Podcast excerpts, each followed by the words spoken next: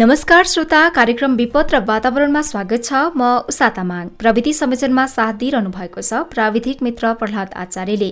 तपाईँ यति बेला तपाईँको मनको आवाज सुनाउने तपाईँको आफ्नै रेडियो कालिचोक सामुदायिक एफएम एक सय छ दशमलव चार मेगा सुन्दै हुनुहुन्छ। विपद र वातावरण प्रत्येक साताको सोमबार बिहान आठ बिस बजेदेखि सुन्न सक्नुहुनेछ। कार्यक्रम विपद र वातावरणको आज पाँचौं अङ्क सुन्दै हुनुहुन्छ। यस कार्यक्रममा वातावरण संरक्षण जलवायु परिवर्तन र विपद जोखिम न्यूनीकरणका विषयमा छलफल गर्ने गर्छौं। वर्षायाम चलिरहेको छ। विशेष गरी यो मौसममा दोलखामा पहिरोका घटना धेरै हुने गरेका छन्। पहिरोका कारण बस्ती नै जोखिममा पर्ने वर्षौंदेखिको समस्या नै हो। प्राकृतिक विपदबाट जोगिन विपदका घटना भइहालेमा उद्धार र राहतका लागि दोलखामा कस्तो तयारी भइरहेको छ? यसै विषयमा हामीले जिल्ला विपद व्यवस्थापन समितिका अध्यक्ष एवं दोलखाका प्रमुख जिल्ला अधिकारी भीमकान्त शर्मासँग कुराकानी गरेका छौँ। दोलखामा चाहिँ कस्तो किसिमको चाहिँ विपद हुन सक्ने आङ्कलन गर्नुभएको छ? अहिले त खास गरी मनसुनजन्य विपद नै हो पानी बाढी पहिरो नै हो। खास गरी यो जिल्लामा बाढीभन्दा पनि पहिरो। पहिरोको बढी जोखिम भएको गतका विगतका हाम्रा तथ्याङ्कले देखाउँछ। त्यही हुनाले हामीले अहिले त जोखिमयुक्त क्षेत्रहरू खास गरी काल कालिम्चोक बिगु र गौरीशङ्कर गाउँपालिकाका झ्याकु जुबुद लगायत ती क्षेत्रहरूलाई हामीले आकलन गरेका छौँ र त्यहाँ उच्च सतर्कता साथ हाम्रो सुरक्षाकर्मी पनि त्यहाँ परिचालन छन् र बिहान पनि हामीले इन्फर्मेसनहरू आइरहेका छ। आउनलाई जिरीको केही पहिरो मेलुङ्कोहरू पनि आएको छ त्यता भन्दा पनि हाम्रो ध्यान बढी उत्तरी बेलतिर छ। र अहिले यहाँले भने जस्तै हाम्रो यो कोरोना त छँदैछ। त यसको साथसाथै अहिले अब व्यापक भारी वर्षा भइरहेका हुनाले र जोखिमयुक्त पहाडी क्षेत्र भएको हुनाले हामी पहिरोको जोखिमलाई हामीले अझ बढी फोकस र पहिलो प्राथमिकता साथ हामी यो कमान्ड पोस्ट नै स्थापना गरेका छौँ। जिल्ला सुरक्षा समितिको बैठक बस्छ।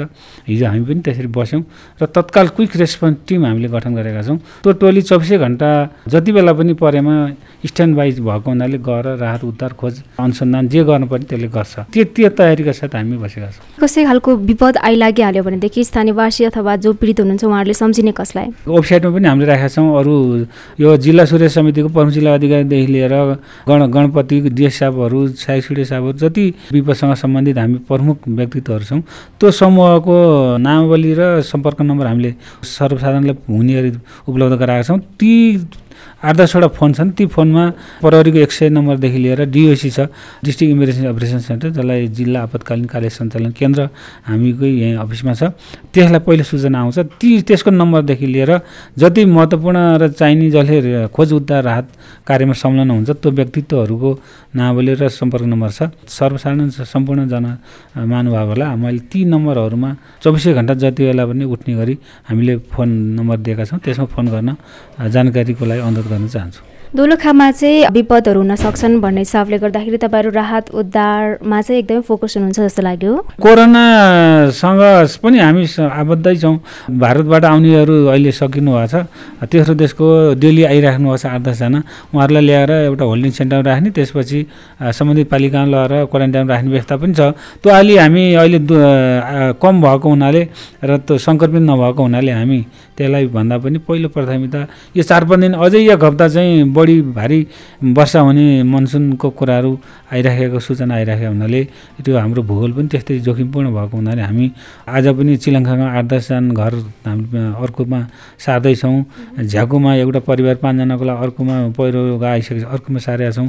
केही स्थानीय रूपले बनाएको पुलहरू भत्केका छन्। ती ती क्षेत्रमा हाम्रो बढी अहिले फोकस छ। यसको मतलब त्यो अर्को पक्षमा चाहिँ कोरोनामा चाहिँ हामीले कम ध्यान दिएको भन्ने छैन। त्यसमा पनि हाम्रो ध्यान नै छ। पहिलो अहिलेको आज चार पाँच दिनलाई हामी त्यही पहिरोमै चाहिँ हामी बढी फोकसमा छौँ। खास गरी यो बाढी र पहिरो आइहाल्यो भनेदेखि चाहिँ कसरी उद्धार गर्ने कसरी राहत दिने भन्ने विषयमा चाहिँ तपाईँहरू कहिलेदेखि छलफलमा हुनुहुन्छ? यो एक हप्ता भयो। एक हप्तादेखि हामी एउटा कार्ययोजना बनाएका थियौँ। प्रतिकार्य कार्ययोजना विपदसँग सम्बन्धित। हिजो पनि हामीले एउटा बैठक बस्यौँ। र हामीसँग दुई करोड प्लस पचास लाख कसै छ। त्यो मृत्यु भएमा एक लाख रुपियाँ दिने घाइते भएमा क्रिया खर्च दिने ती सबैका कुराहरूदेखि लिएर तारोदल गणको जुन नेपाली सेनाको टिम छ त्यसको एउटा क्याप्टेनको संयोजकतामा पैँतिसजनाको एउटा त्यो क्विक रेस्पोन्स टिम हामीले स्थापना गरिरहेका छौँ। त्यो चौबिसै घन्टा खर्च। नेपाल प्रहरीको बिसजनाको इन्सपेक्टरकोमा लाइफ ज्याकेट हेलमेटदेखि लिएर त्यो पुरा सामग्री सहितको टिम त्यहाँ पनि छ सशस्त्रको छ। ठाउँ ठाउँमा प्रहरी चौकीहरू छ। ती सबै ठाउँमा त्यो टिमलाई हामीले स्थापना खडा गरिरहेका छौँ र चौबिसै घन्टा सूचना प्राप्त हुँदासाथ कुनै पनि समय नभनिकन त्यो घटनाको स्थलमा पुगेर राहत उद्धार कार्य गर्छन्। त्यो तयारीका साथ हामीसँग पैसा रकम पनि छ। सुरुदेखि हामी एक दुई महिनादेखि नै हामी ती विपदका सामग्रीहरू तिरपालदेखि पालदेखि हरेक कुराहरू हामीले बन्दोबस्त गरेका छौँ। र अहिले हाम्रो जनशक्ति पनि हामी त्यसरी तयारी र रेस्पोन्स हुने गरी स्थापना गरेका छौँ र कमान्ड पोस्ट जिल्ला प्रशासन कार्यालयमा यहाँ स्थापना छ। हामी हरेक दिन बैठक बस्छौँ समीक्षा गर्छौँ सूचना सङ्कलन गर्छौँ। त्यो कार्य गरेको हुनाले यहाँको जन आदरणीय दर्खावासी जनसमुदायमा के अनुरोध गर्न चाहन्छु भने आशा गर्नु ती नम्बरहरू तपाईँले लेखेर राखिराख्नुहोस्। विपद भन्ने कुराहरू कति बेला के पर्छ थाहा हुँदैन। तत्काल फोन गर्नु होला फोन रिसिभ हुन्छ र यहाँहरूलाई चाहिँ हामीले आश्वस्त दिन चाहन्छौँ। तपाईँहरूको पछाडि हामी छौँ राहत उद्धारमा हामी आइपुग्छौँ। जस्तो कि विपद व्यवस्थापनको लागि भनेर एक महिनादेखि सामान किन्ने काम भयो तपाईँहरूले दिनका दिन मिटिङ बस्दै हुनुहुन्छ होइन? सबैलाई तयारी अवस्थामा राखिएको छ। तर सधैँभरि नै आउने यही बाढी पहिरो हो होइन? तर यसैको चाहिँ न्यूनीकरणको लागि अथवा पूर्व तयारीमा चाहिँ हाम्रो ध्यान किन पुग्दैन? पूर्व तयारी भनेको यस्तो हुँदो रहेछ। अब अहिले यहाँले भने जस्तै अब यो कोरोना बिचमा आइपुग्यो यसले पनि अलिकति हाम्रो ध्यान आकर्षण डाइभर्ट गर हिउँदा सकिएन। अब भूगोल भूगोल त्यो कोषको पनि कुरा गर्नुभएको थियो नि होइन? त्यसमा पनि दुई करोडभन्दा बढी पैसा छ भन्नुभएको थियो। त्यो रकमको कुरा मैले के जोडेँ भने त्यसको चाहिँ अहिले पैसा खर्च गरेर अरू विभिन्न किसिमको कार्य गर्न सकिँदैन। त्यो पैसा त नितान्त मान्छेको मृत्यु मानवीय क्षति भएमा दिने गरी एक लाख रुपियाँ वितरण गर्ने क्रिया खर्च त्यही अनुसार यो मानवीय क्षति नै नहोस् भन्नको लागि चाहिँ के गर्न सकिन्छ के छ? जनतामा पनि सचेतना आउनुपर्छ। यहाँले भने जस्तो जोखिम न्यूनीकरण कार्ययोजनाहरू बनेर अब भूगोल अनुसार चाहिँ जुन भूकम्प गयो बहत्तर सालमा त्यसपछि एउटा भूगर्भित आएर जुगोदेखि लिएर त्यो क्षेत्रमा बसोबास हुँदैन है त्यहाँ बस्नु हुँदैन भनेर। भनेको छ त जनताहरूले चाहिँ आफ्नो थात थलो त छोडिदिनुहुन्न। बाई फोर्स लगाएर अन्त्य राखो। फेरि त्यही घरमा चिलङ्खामा नौजना परिवारलाई स्कुलमा अन्यत्र लगेर सार्न खोज्दाखेरि उहाँ पुलिस लगाएर सार्दा पनि उहाँ हामी यहीँ जान्छौँ तल पहिरो गएको। यो चाहिँ केही हुँदैन हामी सर्दैनौँ। अब हाम्रो सबै बहिनी बस्ने व्यवस्था सबै यहाँ छ। जति पनि पूर्व तयारीका कुराहरू छन् त्यसमा चाहिँ सरकारी निकाय अथवा प्रशासनलाई जनताले नटेर्ने हो। नटेर्ने भन्दा पनि त्यहाँ अहिले चिलङ्खाको भने उहाँहरू चाहिँ हामीलाई यहीँ ठिक छ भन्नुहुन्छ। जुगो कुरा गर्दा पनि उहाँले बिर्सनुहुन्छ फेरि अब आउँदैन होला पहिरो भन्ठान्नुहुन्छ उहाँहरू त्यहीँ आफ्नै घरमा बस्न चाहनुहुन्छ सचेतना छ। तैपनि उहाँहरूलाई अब त्यो आफ्नो थाथलो छोडेर नयाँ ठाउँमा गएर बस्नलाई उहाँलाई पनि गाह्रो हामीलाई पनि व्यवस्थापन गाह्रो एउटा पछि। अर्को कुरो यहाँले भने जस्तो त पैसा छ यो मान्छे नै बाढी पहिरो पुरै रोकेर मा बाढी पहिरोले मान्छे नमर्ने तपाईँले किन गराउन सक्नुहुन्न? भने जस्तो कुरा गर्नुभयो त्यसो हुँदैन। जापानमा पनि बिस तिसजना मान्छे त्यति संवेदनशील र शक्तिशाली देश जहाँ त्यसले एकदम अगाडि छ त्यो मान्छे मरे त्यो उनीहरूले त्यो मानवीय क्षति नै पुरै हुन्न भनेर ग्यारेन्टी लिन सकिन्न। त्यसो त हो होइन पक्कै पनि। अब सधैँभरि वर्षैभरि यही कुरामा मात्रै केन्द्रित हुनुपर्छ भन्ने पनि होइन। तर विपद व्यवस्थापन समिति र सुरक्षा निकाय चाहिँ यतिखेर जति बेला बाढी सुरु हुन्छ जति बेला पहिरो सुरु हुन्छ त्यतिखेर मात्रै किन क्रियाशील जस्तो देखिन्छ त? त्यो त स्वाभाविक पनि हो किनभने बाह्रै महिना त्यही मात्रै कुरो भएन तपाईँको बाढी त यसमा त्यति हाम्रो जिल्लामा बाढीले को कम सम्भावना छ। पहिरो पनि तपाईँको आउने भनेको यही असार साउन भदौ यो तिन महिनै हो। अब त्यो त्यसमा चाहिँ यहाँले भने त वृक्षारोपण गर्ने ती ठाउँबाट व्यक्ति हटाउने कहाँ कहाँ जो जहाँ लगाउने। बनाउने त्यहाँ चाहिँ बस्ने नदिने त्यो खोला किनारमा बस्ती राख्ने नराख्ने भने त अलिक ठुलो राज्यबाटै जहाँसुकै गर्न सकिने कुरा हुन्। अहिले मान्छेहरूलाई त्यो मान्छेहरूले पनि आफ्नो थातोलाई पहिले धेरै वर्षदेखि बसिराख्नु भएको छ उहाँलाई बाढी पहिरो आउँछ भनेर अहिले निकाल्न बाइफोर्स गर्न सकिँदैन। केही अब त्यो बाह्रैकाल पनि तपाईँले भने जस्तो एक्टिभली पहिरो आउँछ भनेर त्यहीँ मात्रै ध्यान आकर्षण गरेर अरू काम छोड्न सकिएन। पहिलो प्राथमिकता यो अहिले असार साउन भदौ। यी तिन महिना चाहिँ उच्च जोखिम भएको हुनाले हामी उच्च सतर्कता साथ सुरक्षा परि कर्मीहरू परिचालित भएर सबै जनतालाई सचेत गराएर अलिकति यसमा कमभन्दा कम क्षति हुनै नदिने भयो भने पनि क्विक रेस्पोन्स खोज उद्धार राहत तत्काल हुनु पनि त ठुलो कुरा हो नि। त्यो मान्छेले बचाउन सकिन्छ नि त। रोक्ने प्रकृति पर्क रोक्न सकिन्छ भने त छैन। कहीँ न कहीँ घटना छिटफुट हुनसक्छ हामीले हामीले सचेत गराएका छौँ। त्यो घटना हुनै नदिने लागेका छौँ। भइहाल्यो भने पनि हामीले जति सक्दो छिटो छिटोभन्दा छिटो मानवीय क्षति नहुने तरिकाले राहत उद्धारमा त खट्नुपर्छ। त्यस अर्थले हामी अलि एक्टिभ त हुन्छौँ। यो तिन महिना त चौबिसै घन्टा जागरुक भएर हाम्रो सुरक्षाकर्मी हामी वास्तवमा खर्चमा लाग्छौँ र पहिलो प्राथमिकता राख्छौँ त्यो कुरो फेरि हो। तपाईँको त अब यो जिल्ला विपद व्यवस्थापन समितिको अध्यक्ष पनि हुनुहुन्छ होइन? र विपद सम्बन्धी सूचना प्रवाह गर्ने भनेर चाहिँ जिल्ला तथा स्थानीय विपद व्यवस्थापन सम्बन्धी व्यवस्थामा पनि उल्लेख गरिएको छ। यो कुरामा त खै कतै पनि सुनिँदैन नि। अब यसो छ यहाँले भने जस्तो अब दुई चार दिन मात्रै भयो बाढी पहिरो। अहिले पनि हाम्रो मानवीय क्षति ठुलो रूपमा भौतिक क्षति छैन। हामीले अझै पनि वेबसाइटमा राख्ने र सूचना अधिकारी हामीले तोकेका छौँ यहाँ सहायक प्रमुख जिल्ला अधिकारीज्यूलाई। उहाँले चाहिँ त्यस्तो मानवीय क्षति ठुलो रूपमा भौतिक क्षति हुँदा तथ्यगत तथ्याङ्क चाहिँ उहाँले पेस गर्नुहुन्छ। आजसम्म तपाईँले भन्नुभयो त्यति छिटपुट सानोतिनो घटना भएको हुनाले तपाईँले सूचना जारी भएन बुलेटिन आएन भन्न थाल्नु होला त्यो बुलेटिन आउनु पनि घटनै घटे ठुलै घटना हुनुपर्छ सर। सानोतिनो अहिले तपाईँको अहिले एउटा जिरीमा एउटा घर क्षति भएको छ बेलुङमा एउटा भएको छ भनेर पनि चार बजे पाँच बजे ती कुराहरू अब चाहिँ तपाईँले भने बुलेटिनमा आउनै पऱ्यो भने आउला। तर ती कुराहरू पनि भए अर्को चाहिँ सतर्क रहनुहोस् भन्ने खालको सूचनाहरू पनि त हुन्छन् नि होइन र? अब त्यो कुराहरू प्रचार प्रसार चाहिँ अब मान्छेमा अलिकति साह्रै कम र सचेतना नै फैलाउन पर्ने त उच्च सतर्कता भनेर हामीले वेबसाइटमा तपाईँको अस्ति राखेको पनि हो चार पाँच दिन भारी वर्षा हुँदैछ। कृपया तपाईँहरू सामान्य काम बाहेक घरबाट हिन्डुल त्यस्तो चट्याङ पर्न सक्छ बाढी पहिरो हुनसक्छ तपाईँहरू यात्रा नगरिदिनु होला सुरक्षित राख्नु होला भनेर त्यो त जारी गरिसकेको छ। सूचना नदिएको पनि होइन तपाईँले त भने पनि त्यो दिइसकेको छ राखिया छ वेबसाइटमा जानकारी गराइएको छ माथि केन्द्रबाट पनि भएको छ। जनतामा सूचित अर्थमा छ। अब जिल्लाकै हकमा प्रपरली जिरीमा एउटा घर मेलुङमा एउटा घर र कालिम्पोङमा एउटा घर चाहिँ क्षति भएको छ भन्ने कुरा नआएको होला। ती सानातिना घटना ती आनासी होइन त होइन। ती सानातिना घटना भए पनि हामीले सूचित गर्ने हाम्रो कर्तव्य हो।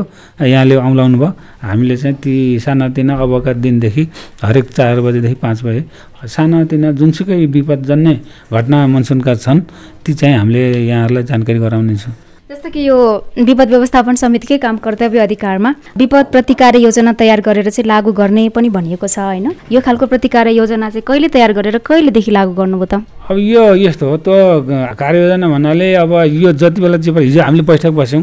हामीले बैठक बसेपछि ज यस्तो कालिम्चोक बिगु र गौरीशङ्करको त्यो जोखिमयुक्त क्षेत्र पहिचान गरेर नक्साङ्कन गरेका छ हामीले त्यो कार्ययोजनामा कहाँ कहाँ हाम्रो जोखिम छ कुन कुन त पहिचान भइसकेको छ।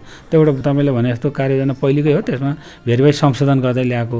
र अहिले अब कहाँनिर के पर्छ भन्ने कुरा तत्काल त्यही दिन बसेर त्यही परिस्थितिको मूल्याङ्कन गरेर गरिने का बैठक छलफल कार्यक्रम न हुन्। त्यो हुनाले कार्ययोजना भन्नाले व्यापक दीर्घकालीन त्यस्तो होइन। जहाँ तत्काल जे पर्छ अहिले हामीले त्यो फोकस गरेका छौँ उत्तरी बेल्ट। भोलि हुनसक्छ जिरीतिर कहीँ अरू मेलिङतिर सैलुङतिर भन्नुसक्छ। त्यो त्यो त तत्काल पऱ्यो भने त्यसलाई फेरि हामी आबद्ध गर्दै जान्छौँ। कार्ययोजना चाहिँ के के गर्ने कहाँ कहाँ छ यो जिल्लाको यो विपदमा जोखिम त्यो क्षेत्रको पहिचान गरेर त्यसलाई टोली परिचालन गर्नेदेखि लिएर चाहिने कुराहरू विपदका सामग्रीहरू जनशक्तिका आकलन गरेर गर्ने कुराहरूमा कुन कुन निकायले गर्ने?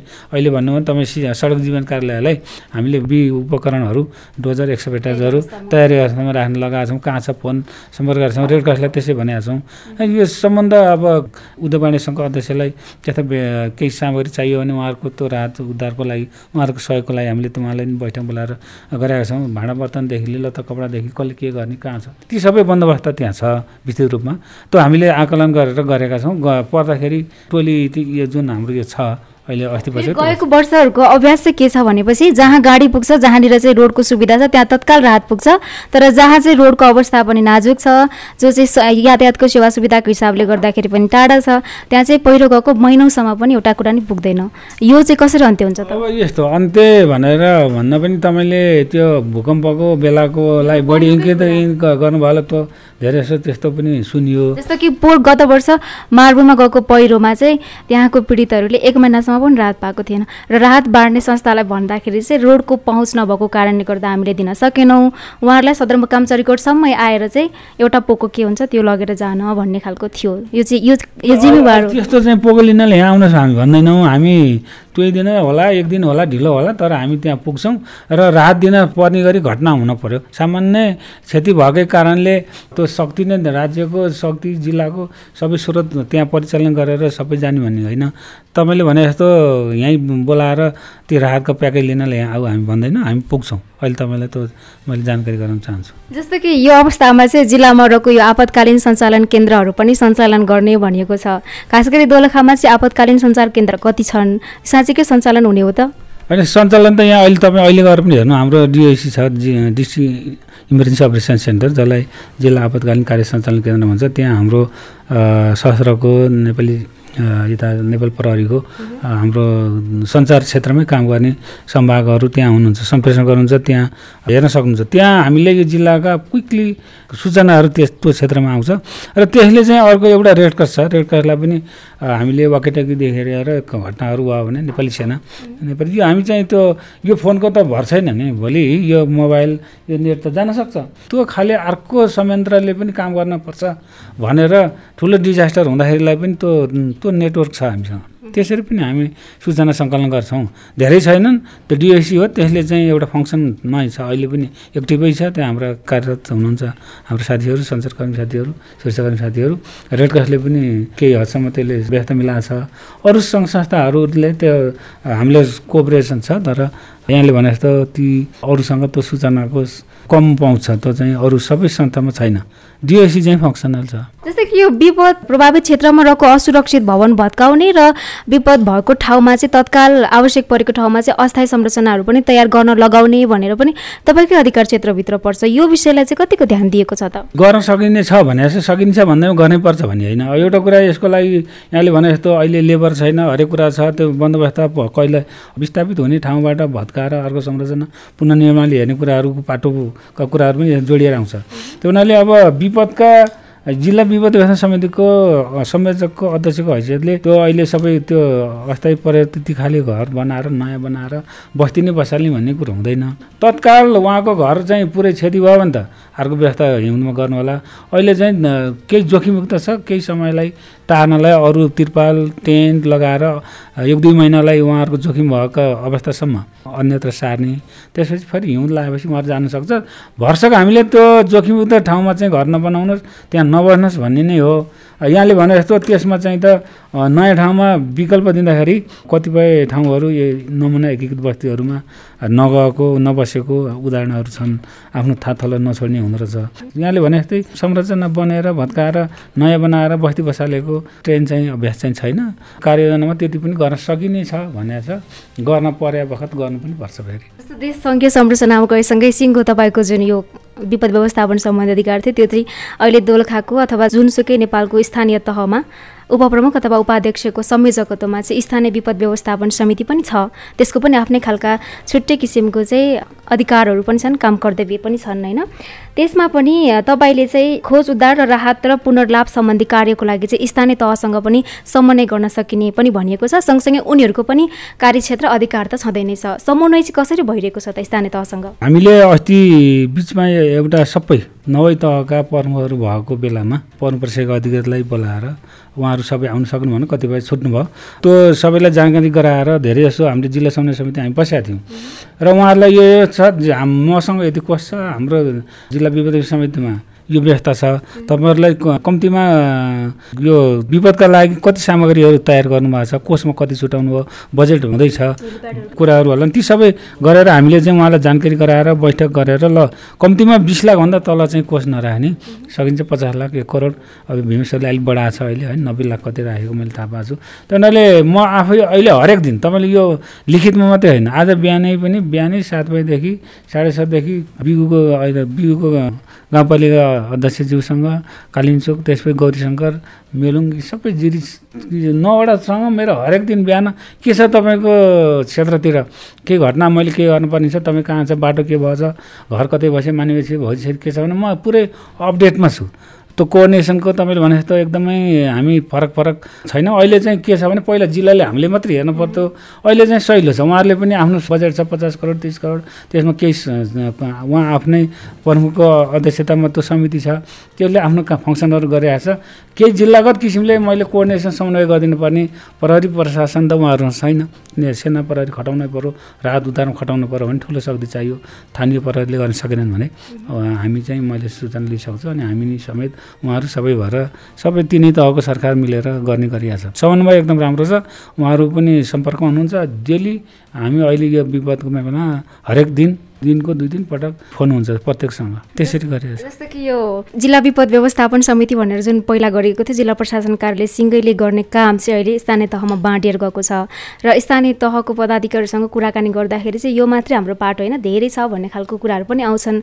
तपाईँले समन्वय गर्दाखेरि र उनीहरूले गर्नुपर्ने कामहरू चाहिँ कतिको गरेको देख्नु भएको छ त? उनीहरू साँच्चीकै जिम्मेवार छन् यो विषयमा? अब यस्तो छ अलिकति बैठक बसेर यो सक्रिय थोरै स्थानीय यो विपद व्यवस्थापन समितिलाई अलिक सक्रियता बनाउने बैठक राख्ने छलफल गर्ने कहाँ कहाँ जोखिम छ त्यसको पहिचान गर्ने क्षेत्र र बजेट एलोकेसन गरेर जनशक्ति आफ्नो जति छ त्यो गर्ने र अरू थप चाहियो भने तुरुन्त जिल्ला तहमा चाहिँ माग गर्ने भन्ने चाहिँ गरेर निर्णय गरेर उहाँहरू पनि अहिले लाग्नु भएको छ। त फेरि त यहाँले भने जस्तै बाह्रै महिना त उहाँहरू नलाग्नु होला।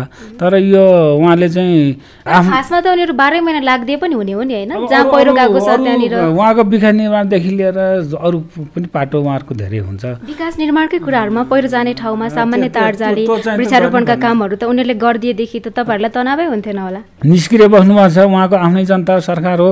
हामीले नगरेर कसले गर्छ स्थानीय तहले हो जिम्मेवार। अहिले तपाईँले भन्नुभयो भने नि कोरोनाको विषयमा उहाँले लगेर क्वारेन्टाइन बनाएर काठमाडौँदेखि लगेर रा खान राख्ने बस्ने व्यवस्थादेखि लिएर ठुलो जिम्मेवारी त अहिले त केन्द्र सरकारले त मुखले मात्रै बोल्या छ। काम गर्ने जानेको प्रदेश सरकार भन्दा पनि अहिले त स्थानीय नै नभएको भए के हालत हुन्छ यो हाम्रै जिल्लामा पनि यत्रो जिल्ला भारतबाट आउनुभयो हजार आठ सय मान्छेलाई। चौध दिन राख्ने खुवाउने बन्दोबस्त त्यो ठुलो कुरो हो। त्यो उनीहरूले स्थानीय तहले गर्दैन गरेका छैन। भन्ने होइन केही कहिले काहीँ थोरै समय नभएर ध्यान नपुगेर कहीँ कहीँ त्यस्ता कमी कमजोर देखिएला। तर एकदमै पहिलो सरकार भनेकै स्थानीय सरकार हो भन्ने कुरो जनतालाई पनि महसुस गरेका छन्। बजेट पनि त्यहीँ छ।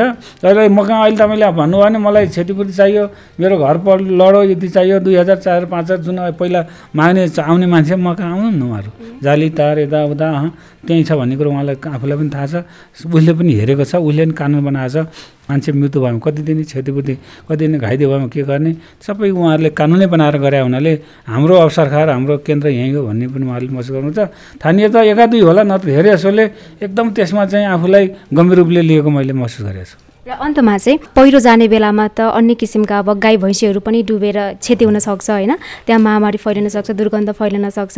त्यस्तो खालको व्यवस्थापन र कुनै थप अर्को खालको महामारी नफैलोस् भन्नको लागि त स्वास्थ्य कार्यालयसँग पनि समन्वय गर्नुपर्ने होला। के भइरहेको छ? स्वास्थ्यले यहाँले भने जस्तो त्यो पक्कै पनि स्वास्थ्यसँग सम्बन्धित स्वास्थ्यजन्य त्यो विपदका घटनाहरूमा त जोडिन्छ। र विपदको यो जुन समिति छ त्यसमा त एउटा पार्ट सदस्य त छँदैछ छँदैछ त्यसको उपस्थिति भइहाल्छ। स्वास्थ्यसँग सम्बन्धित का गतिविधि क्रियाकलापहरू बजेटहरू उहाँहरू सँगसँगै हामीसँगै हुनुहुन्छ। स्वास्थ्यकर्मी हामीसँगै जानुहुन्छ। त्यसमा त त्यसरी नै अगाडि बढ्छौँ। त्यो समितिले गरेको व्यवस्था अनुसारै हो। यहाँले भने जस्तै त्यस्तो महामारी फैलिने इत्यादि भएको कुराहरू छैन। पछि आएकोमा डिस्पोजल गर्ने कुराहरू का कुराहरू चाहिँ अब स्केभेटर भएर खाल्टो खनेर तुरुन्तै त्यो फैलिन नदिनलाई त्यस्तो मृत्यु भएमा ती कुराहरू त बन्दोबस्त त्यही तपाईँले भने जस्तै स्वास्थ्य क्षेत्रले के के काम गर्ने खानेपानीले के के गर्ने महिला बालबालिकाको लागि के गर्ने ती रेड क्रसले के गर्ने? त्यसपछि गएर उद्योगवाणी सङ्घले त्यो चाहिँ त्यो त भइसकेको छ। उहाँहरू त त्यो विगतकै फलोअपै हो निरन्तरतै हो। त्यहाँनिर नयाँ छैन मौलिक छैन। त्यहाँदेखि उहाँहरू हाम्रो जिम्मेवारी यो छ है भन्ने कुरा हो। मात्रै भूमिका अलिकति बढी बजेट भएको हुनाले स्थानीयमा पनि गएको मात्रै हो। हामी समन्वयमा पुलको काम मात्रै गरेका छौँ तर हाम्रो भूमिका पनि घटेको छैन। यो समन्वयमै गर्नुपर्ने कुराहरू हुनाले तिनै त यो विपदमा चाहिँ सम्झौता यो गरेर यो शर्तमा मात्रै ऊ सेवा सुर के अरे राहत दिने भन्ने त्यस्ता सम्झौता। ती गतिविधिहरू ती शर्तहरू हुँदैनन्। त्यो एकनाथले तिनै तह चाहिँ एक्टिभली लागेको छ र जनताहरू दोलखावासी आदरणीय जनसमुदाय मलाई अनुरोध गर्न चाहन्छु विपद पर्न सक्छ। त्यसमा हामी तपाईँको पछाडि हामी छौँ। राहत उद्धार तपाईँ समयमै सूचना दिनुहोला। हामी क्विक रेस्पोन्स गरेर तपाईँको जहाँ हुनुहुन्छ त्यसमा हामी कहीँ न कहीँ राज्यको उपस्थिति प्रहरी सुरक्षाकर्मी हामी छिटोभन्दा छिटो आएर राहत उद्धार गर्नेछौँ। यसमा आशावादी हुन मैले अनुरोध गर्न चाहन्छु। धन्यवाद सर। तपाईँलाई पनि धन्यवाद। मेरो कुराहरू राखेर दोलखावासीहरूलाई केही कुराहरू जिल्ला विपद समितिले के गर्दैछ त? सुस्त आएको छ कि अथवा आफूले एक्टिभली के के भित्र काम गरिरहेको छ सुन्न देख्न नपाएकोमा? यति यति टिम गठन गरेर यो जो बन्दोबस्त गरेर विपदको सामग्री जो गरेर जनशक्ति व्यवस्थापनदेखि लिएर स्थानीय तहसँग एउटा समन्वयमा एक्टिभली पर्सनल प्राथमिकताका साथ राखेर चौबिसै घन्टा उच्च सतर्कका साथ फोन रेस्पोन्स गर्नेदेखि लिएर कुराहरू गरेर चाहिँ हाम्रो पछाडि राज्य रहेछ सरकार रहेछ भन्ने जुन कुराहरू उहाँहरूले सुन्न मौका पाउनु दिनुभयो माध्यम बन्यो। त्यसको लागि धन्यवाद। कार्यक्रम विपद र वातावरण आजलाई यति नै। आजको कार्यक्रममा हामीले प्राकृतिक विपदबाट जोकिन विपदका घटना भइहालेमा उद्धार र राहतका लागि दोलखामा गरिएको तयारीका विषयमा जिल्ला विपद व्यवस्थापन समितिका अध्यक्ष एवं दोलखाका प्रमुख जिल्लाधिकारी भीमकान्त शर्मासँग कुराकानी गर्यौं। कालिन्चोक एफएमले उत्पादन गरेको कार्यक्रम विपद र वातावरण सुनिदिनु भएकोमा तपाईँलाई धन्यवाद। कार्यक्रमबाट प्रस्तुता उषा तामाङ पनि बिदा हुन्छु। सुन्दै गर्नुहोला कालिन्चोक एफएम। नमस्कार।